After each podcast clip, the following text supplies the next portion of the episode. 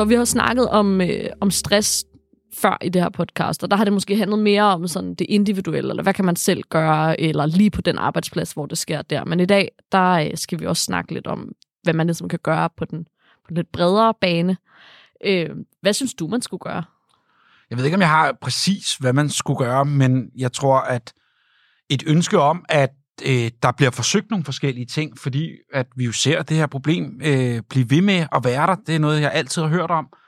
Så øh, det at kunne eksperimentere med det ene eller det andet, altså skal vi kigge på øh, forskellige tidspunkter i ens liv, og man så skal indrette øh, nogle ting anderledes, øh, kortere arbejdsuger, eller øh, hvad hedder det nu, bedre uddannede ledere, eller hvad det kunne være. Jeg tror, det er bare drøm om, at man forsøger et eller andet, øh, nogle eksperimenter øh, på det. Og så tror jeg, det er særlig vigtigt øh, på arbejdspladsen, fordi det er der, vi bruger rigtig, rigtig mange af vores vågne timer.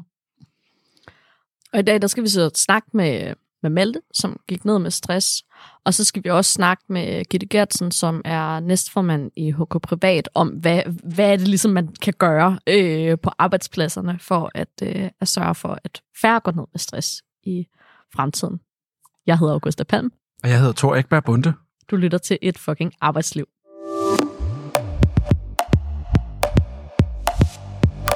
Og øh, velkommen til dig, øh, Malte Hansen. Du er 27 år og uddannet inden for kontor, og i foråret øh, 21 øh, blev du ramt af arbejdsrelateret stress, og i så voldsom en grad, at du blev sygemeldt i øh, mere end fire måneder. Øh, vil du ikke fortælle os lidt om, øh, hvordan, øh, hvad det var for en arbejdsrelateret pres, du oplevede? Jo, jeg øh, kom fra, fra Karup og blev flyttet til, øh, til Aarhus-afdelingen, hvor jeg så øh, i min hverdag skulle gøre dobbelt så langt. Øh, så i, i, i første omgang var det allerede hårdt, skal man sige, at jeg skulle sidde i bilen dobbelt så lang tid. Øh, de samlede sådan en kundeservice fra øh, hele Jylland og Fyn på to afdelinger, og jeg tog så med til Aarhus, hvor jeg så som ene mand ret hurtigt øh, blev ene mand, øh, skulle oplære alle dem fra, fra Aarhus i de opgaver, vi sad med i Karup. Ja, og hvordan var det så at skulle lige pludselig oplære så mange kollegaer? Det var en stressende hverdag, hvor jeg skulle øh, oplære øh, 7-8 på en gang, sad typisk ved, ved en person, og så kom de 6-7 andre og, og spurgte mig på skift, øh, så jeg nærmest ikke havde tid til at oplære den person, men øh, jeg blev hele tiden drevet fra min plads, øh, der hvor jeg skulle, nu skulle sidde, og havde ikke rigtig en arbejdsro, kan man sige, til at lave min egen ting og, og passe mig selv, som jeg plejede i min hverdag. Ja, og hvad fik det der til at føle i arbejdet der? Det, øh, jeg mistet overblikket. Øh, jeg tror, jeg vil beskrive det som en, Øh, som en høne uden hoved, at jeg løb forvirret rundt øh, og blev hele tiden revet fra. Øh, jeg kunne ikke rigtig fordybe mig i ting, og jeg kunne ikke rigtig være til stede for den person, jeg oplærte, når de, de andre 6-7 hele tiden kommer og sagde, kan du ikke lige komme forbi og, og hjælpe mig? Hvordan var øh, arbejdspladsen, sådan, ud over det her med, med den her oplæring og de, de nye opgaver, du fik, hvordan var kulturen så ellers på arbejdspladsen? Altså, jeg kom jo fra en, øh, en meget jysk, meget øh, hyggelig stemning, hvor øh, der var tid til, til mennesket, og der var tid til at, at sætte sig ned og kigge hinanden i øjnene en 10 minutter om dagen, øh, hvor chefen de stedet opfordrede os til det, og her der var det mere, hvis man hyggesnakkede, så kunne jeg se min chef eller min leder sad og kiggede, mig, øh, kiggede efter mig, hvornår jeg gik tilbage på min plads, eller hvis jeg snakkede telefon med en, en gammel kollega, og det blev meget, der kom et grin, eller det blev lidt for sjovt at høre på efter 30 sekunder, så, øh, så kunne de godt kommentere på det og, og bede mig om at lægge på. Så det var simpelthen også en anden kultur på arbejdspladsen, fuldstændig, der ja. var i det? Ja, fuldstændig. Øh, men da det her arbejdspres så ligesom øh, blev for stort, altså sådan, øh, hvad gjorde du så? Jeg kæmpede rigtig meget med mig selv, og endte faktisk med at bede om en sygemelding i første omgang i, jeg tror det var november, øh, hvor jeg sagde, det, det er for meget det her. Øh, så gik jeg sygemeldt en uges tid og kom til læge, som sagde, at jamen, du er i bund og grund klar til at komme afsted igen. Øh, så jeg trak den en uges tid og kom tilbage, men det var det samme. Altså, jeg blev mødt af det samme. Der var ikke nogen ændring. Nej, så du blev faktisk opfordret lægen til at komme tilbage. Hvad ja. med, gik du til dine chefer? Ja, altså løbende havde jeg kontakt med min chef, øh, men, men jeg, blev, jeg blev mødt med forståelse for mit privatliv, men ikke for mine øh, arbejdsopgaver. Det var lidt noget, øh, jeg skulle forvente. Jeg havde en, vi havde en masse gode snakke inden, hvor vi havde forventning om, at det her det ville nok stå på op til et halvt år. Men da jeg blev sygemeldt for alvor, der, der er der stadig ikke nogen udsigter til, at det bliver bedre. Så du starter med at være sygemeldt de her øh, to ugers tid i, i november 2020. Og så siger du så senere, så bliver du sygemeldt for alvor. Hvornår var det, og hvad, hvad skete der der? Øhm, det kulminerer ligesom det hele med, at øh, min, min ekskæreste og jeg, vi, vi skændes, så det brager hver, nærmest hver dag. Øh, og weekenden, den flyver afsted, så er det mandag morgen igen. Øh, så det hele det kulminerer ligesom en fredag aften, hvor jeg siger, altså, hvor det, det, det buller og brager, og jeg siger så, så må jeg jo, så må jeg jo sige op. Og det tykker jeg ligesom på hele weekenden, hvor jeg så siger, nej, det er ikke, det er ikke min skyld det her. Øh, så, og det er jo ikke, fordi jeg ikke måske vil tilbage. Det, det, ved jeg ikke. Så jeg ender med at, at trække en sygemelding og tage til læge øh, mandag morgen, og, øh, hvor jeg så får at vide, at det kan du godt. Så jeg, jeg melder mig syg og er sygemeldt ind til at blive opsagt. Ja. Og hvornår blev du opsagt? Det bliver jeg heldigvis øh, i starten af august øh, 2021.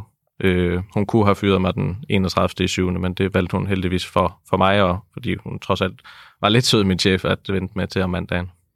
Og, og du siger, hun, hun var lidt sød, hvordan håndterede hun det egentlig ellers? Øh...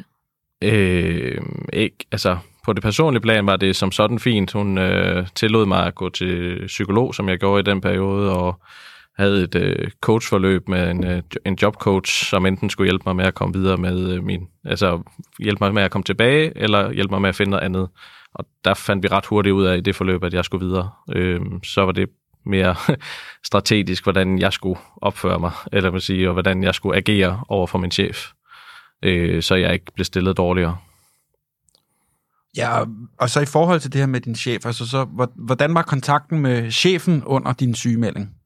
Øh, min chef ville øh, insisterede på, at hun gerne ville høre fra mig hver 14. dag, selvom jeg ikke havde det behov. Øh, hun var meget ærlig og sagde, at hun ikke havde prøvet det her før, og det respekterede jeg selvfølgelig også, men øh, det var sådan noget, øh, dialogen var for hendes skyld, det var ikke for min skyld. Jeg var ligesom et sted, hvor jeg ikke skulle tænke på arbejde, hvor jeg ligesom skulle finde, finde mig selv, men det følte jeg ikke rigtigt, jeg havde tid til.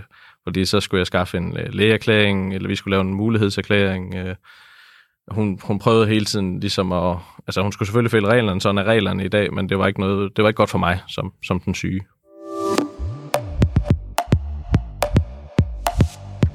Vi skal også have præsenteret den næste gæst i studiet, Gitte Gertsen. Du er som sagt næstformand i HK Privat. Og øhm, hva, altså, hvad tænker du, når, når du ligesom hører det her med, hvordan Maltes chef har håndteret den her stresssygemelding? Hvad får det dig til at tænke på? Jamen, altså, jeg bliver rigtig trist over det, fordi at det er der rigtig mange ledere, der øh, ikke er gode nok til. Øh, og, øh, og, og netop det, hele den her historie med at skubbe det mere over på det private end i arbejdet, den hører vi bare rigtig ofte. At, øh, fordi det er nemmere at forholde sig til som leder. Altså, så er det jo ikke mig, der er noget, der skal kigge på noget, fordi det er bare det private, det er nok den lange transport. Men altså, når jeg hører øh, Maltes historie med at blive afbrudt så mange gange, altså, så er det jo øh, det er der jo ingen, der kan holde til. Altså, og det er ikke øh, Malte, det er også alle sammen, der ikke kan holde til det. Fordi det er vores hjerne simpelthen ikke bygget til. Øh, og det er rigtig kedeligt, at øh, lederen ikke er godt nok uddannet i det til at kunne øh, sige det. Hun sagde jo ærligt, at hun ikke havde prøvet det før, men, øh, men altså, det er, det er noget, at vi skal have fokus på. Det er, at de her ledere, de skal simpelthen være bedre uddannet i det. Ja, og som du også er inde på, Gitte, så at, ved vi jo fra undersøgelser og andet, ja. at det er jo at, der er rigtig mange, der har det ligesom øh, Malte, og så særligt det med også at gå forgæves, når man så går til lederen. Præcis. Altså, der ved vi, at hver tredje stressramt øh, faktisk er gået forgæves øh, til sin leder for at få hjælp, og hver anden af dem har været stressramt inden for de seneste tre år. Så det er jo også, øh, kan man sige, en stor mængde af mennesker. Altså sådan, øh, hvordan kan vi gå til det her problem? Jamen altså i HK Privat og i hele HK faktisk, der, øh, der arbejder vi med, at det skal være et obligatorisk krav, at ledere skal uddannelse i, psy- i psykisk arbejdsmiljø. Fordi at mange ledere er ikke uddannet leder. Altså vi oplever tit, de, de er måske gode til et fag, og så er de blevet øh, ledere, men helt det her sådan med at håndtere en medarbejdergruppe og håndtere det med strategien, er det klart nok, og øh, hvordan får vi fordelt opgaverne, og i det hele taget at, at blive forstået, det, det er der ikke rigtig noget uddannelse i. Altså der er jo ikke en, en, en øh, du, du tager ikke en uddannelse, der hedder leder. Øh, og det mener vi faktisk skal være obligatorisk i HK, og derfor presser vi på, altså både over for lovgiver og arbejdsgiver, at vi mener, det skal være obligatorisk, at ledere skal simpelthen uddannes i arbejdsmiljø, psykisk arbejdsmiljø. Ja. Og hvor synes I, det ansvar skal ligge? Altså, er det, skal det være en lov at sige, du må ikke være leder i Danmark, uden at have taget den her uddannelse? Eller skal det være arbejdsgiverorganisationer? Hvem skal ligesom tage den? Altså som fagforening, så elsker vi jo det der, når vi kan indgå aftaler og lave aftaler med arbejdsgiverne, og det prøver vi også på. Men der er jo også nogle steder, hvor vi måske skal have lovgivningen ind over. Øh, og, og, og jeg har ikke lagt mig helt fast på det, men, men øh, vi arbejder i begge spor nu, kan man sige. Hvad mener du, når du siger i begge spor? Jamen, så snakker vi jo, der, når vi sidder sammen med arbejdsgiverne, så løfter vi jo hele tiden det her op og siger, jamen det psykiske arbejdsmiljø, der er en udfordring, fordi som du også selv var inde på, der er jo rigtig mange mennesker, der bliver stresssygemeldt. Det er et stort problem for den enkelte, fordi man bliver ramt hårdt, men det er jo også et, et samfundsproblem, fordi at det koster rigtig mange penge for samfundet også at have alle de her sådan, øh, sygemeldte. Så derfor så mener vi, det er jo hele samfundet, der skal tage ansvar for det her. Og når det måske også er så stort et problem, og alt den tid, jeg i hvert fald kan huske, øh, kan jeg huske, at man har snakket om stress, og det er en folkesygdom, og det bliver mere og mere udbredt. Øh, er det så nok? Altså kun at kigge på det her med lederne? Altså, jeg tror, det er både kultur og struktur, men lederne er bare en meget stor nøglespiller i det her, fordi det er dem, der leder og fordeler arbejdet. Øh, og, og den ledelsesret, den har de, og øh, det har vi givet dem for mange år siden, øh, og derfor så er det dem, der har det største ansvar her, og derfor dem, der skal uddannes. Vi uddanner jo også selv vores arbejdsmiljørepræsentanter. Men hvad med også nogle, øh, altså alle de andre ting, der måske også kunne hjælpe? Altså nu bare, jeg sagde jo lidt her i starten, at øh, det kunne være fedt med eksperimenter i alle mulige retninger. Altså sådan, fordi det er jo noget, vi ser, der er bredt, og det er jo også forskelligt, hvad der virker, at nogle steder vil ledelse helt sikkert øh, kunne hjælpe, men andre steder kan det jo også være, hvornår man bliver kontaktet, eller hvornår man har arbejde, at der ikke er de der klassiske faste rammer. Altså når mig og August er ude og holde oplæg, for eksempel, så snakker vi om 8-8-8 som en af de store kampe, men vores arbejdsliv ser vi jo også bliver blandet mere og mere sammen, for eksempel med privatliv, altså, og at arbejdstider ikke er på samme måde fra 8 til 16 længere. Jamen helt sikkert, der er jo en, altså, øh, vores samfund udvikler sig hele tiden, ikke? og under corona fandt vi ud af det med det digitale, og det med hjemmearbejde. Jeg hørte, du havde også bedt om en hjemmearbejdsdag, som måske kunne have hjulpet dig, men der er jo også bare det, at det bliver bare øh, forskudt vores arbejdstid. Altså der er ikke noget, der hedder du arbejder der, og det er hjemmearbejdet så også med til, at man måske arbejder mere. Øh, så det er jo også en, en kulturforandring, kan man sige. Og ja, så er der ledelse og arbejdsmiljørepræsentanter, som jeg siger, som nøglepersoner, men det er jo også kollegaer, og vi alle sammen får den her snak om det. Altså, hvordan vi kan gøre det. Men lige her, der er det bare meget åbenlyst også arbejdet og forstyrrelserne, og det hele tiden er blevet afbrudt. Øh, og det er altså kun en leder, der kan tage nogle arbejdsbyrder fra Malte. Men alt det andet, det er jo hele vores kultur, vi skal snakke om. Altså, hvordan, hvordan sikrer vi, at vi ikke brænder sammen alle sammen øh, i det her sådan grænseløse arbejdssamfund, kan man sige.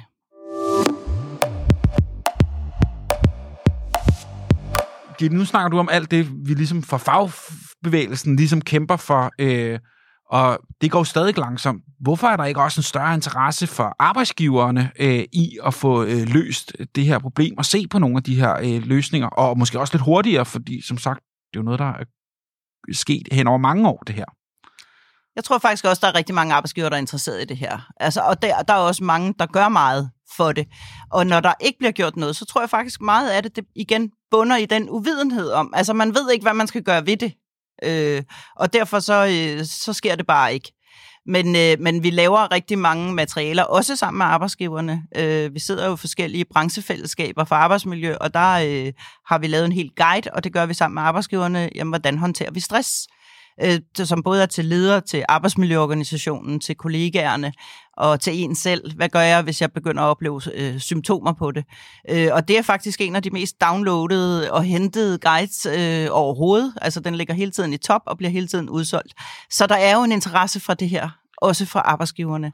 Men, men når det er mennesker, som sammen med mennesker, så er det måske også bare rigtig svært. Altså jeg har snakket med en meget stor arbejdsplads, som virkelig gør meget, Øh, og alligevel så siger tillidsrepræsentanten, at det eneste, vi bare ikke har knækket endnu, det er stresskurven. Og der er jo også, altså, der er jo fokus på, at vi snakker enormt meget øh, om det, og det er, det er måske også lidt svært at sige, om hvad er det præcis, der skal knække koden, men hvis jeg må vende tilbage til dig, Malte, så altså, hvis du kunne øh, drømme lidt ud i fremtiden, hvordan kunne du så godt tænke dig, øh, arbejdspladser, som du skal være på i løbet af dit, øh, dit forhåbentlig lange øh, arbejdsliv. Øh, altså, hvordan skal de være indrettet, for at du ikke bliver stresset igen? At det, det handler nok meget om øh, at kigge på den individuelle behov. Øh, jeg, jeg, min chef gjorde det meget klart for mig, at øh, der, var ikke, der blev ikke taget særbehov, fordi så følte hun, at hun skulle forsvare det over for alle andre. Jeg synes ikke, det var et urimeligt krav, at, at jeg skulle hjemmearbejde. Jeg bad ikke om meget. Jeg bad om en, en, en til to dage om, om måneden nærmest kun. Men det blev, jeg, det blev jeg så også lovet, men det fjernede hun så en, en måneds tid ind i. På, øh, jeg startede på den nye arbejdsplads. Så altså, det er måske det der med at kigge på den individuelle behov, uden at det kommer over, fordi der er selvfølgelig ikke nogen, der skal have det meget bedre end alle andre, og have, have lov til at gøre lige, hvad der passer dem. Men, men inden for rammerne, inden for arbejdstiderne, inden for telefonens åbningstid i, i min optik, så, så bør man kigge på, hvad man kan gøre for den enkelte, og, og lytte til personen.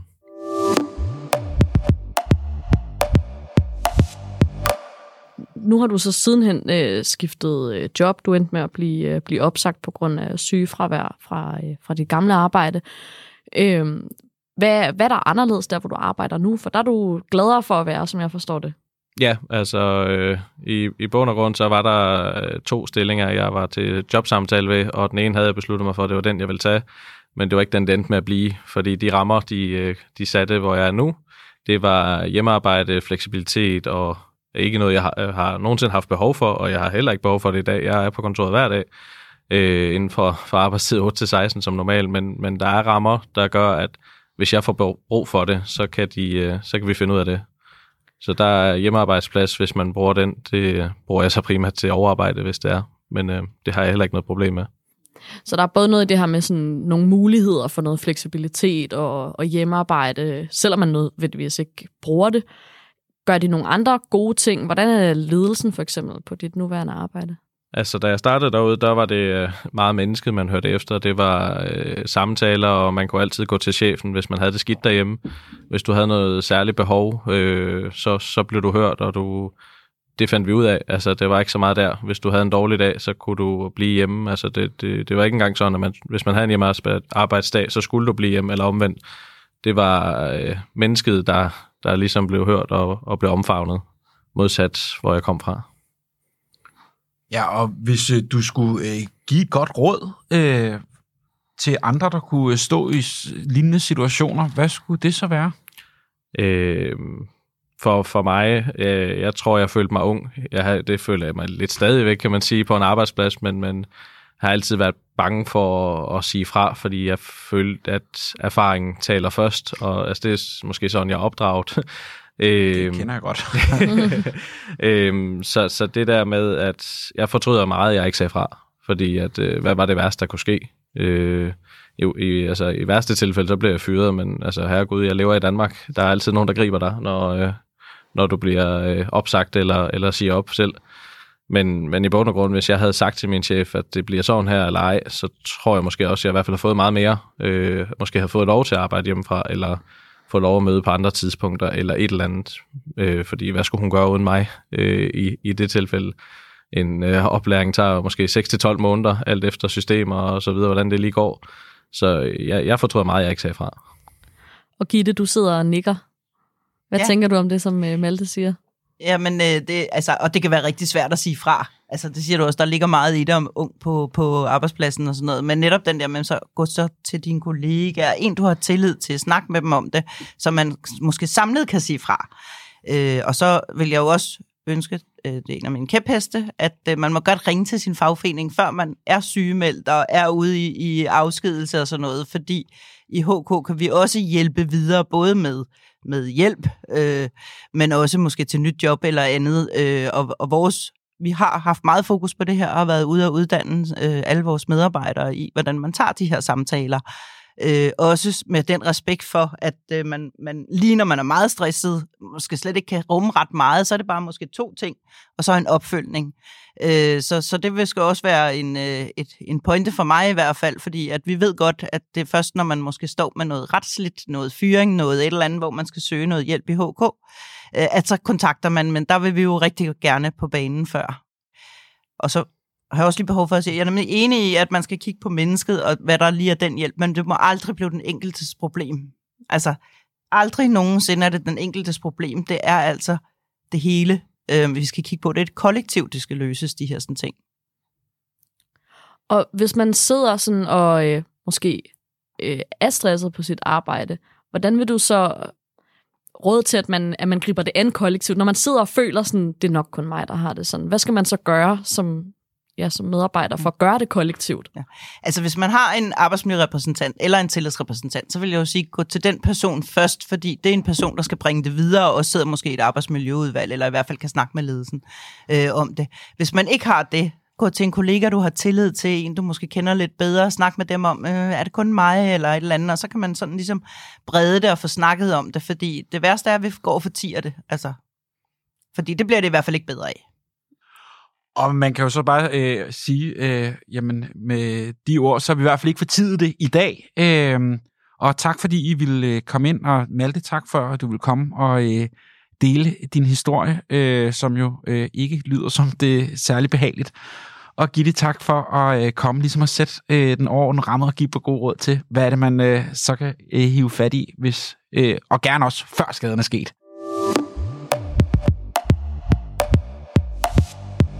Thor, hvad tager du med videre fra i dag? Jeg synes, at det er en rigtig vigtig pointe om, at det her med, at stress ikke må blive øh, individuelt. Altså, øh, det er rigtig oplevelsen af det er der, men det er et problem, der er større end øh, den enkelte. Og så det her med måske også bare Maltes pointe om, jamen det vigtige i egentlig at blive set som øh, et autonomt individ i det også, øh, det synes jeg i hvert fald godt, at lederne må tage med, hvis de også lytter med derude. Hvad med dig, Augusta?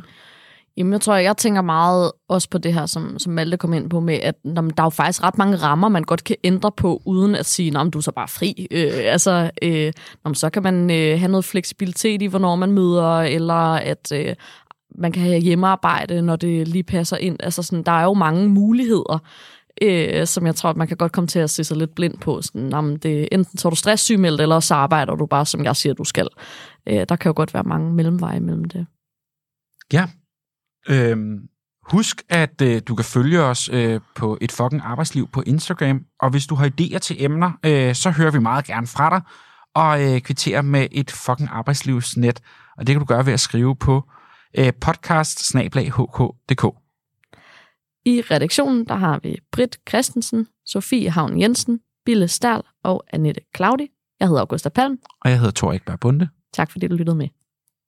Fornemt. Den her stol, den knirker lidt. Det er ikke kommet øh, meget med. For et tidspunkt havde jeg sat mig lidt skævt. Det er ikke også, der var der stadig er så nye, det synes jeg ikke.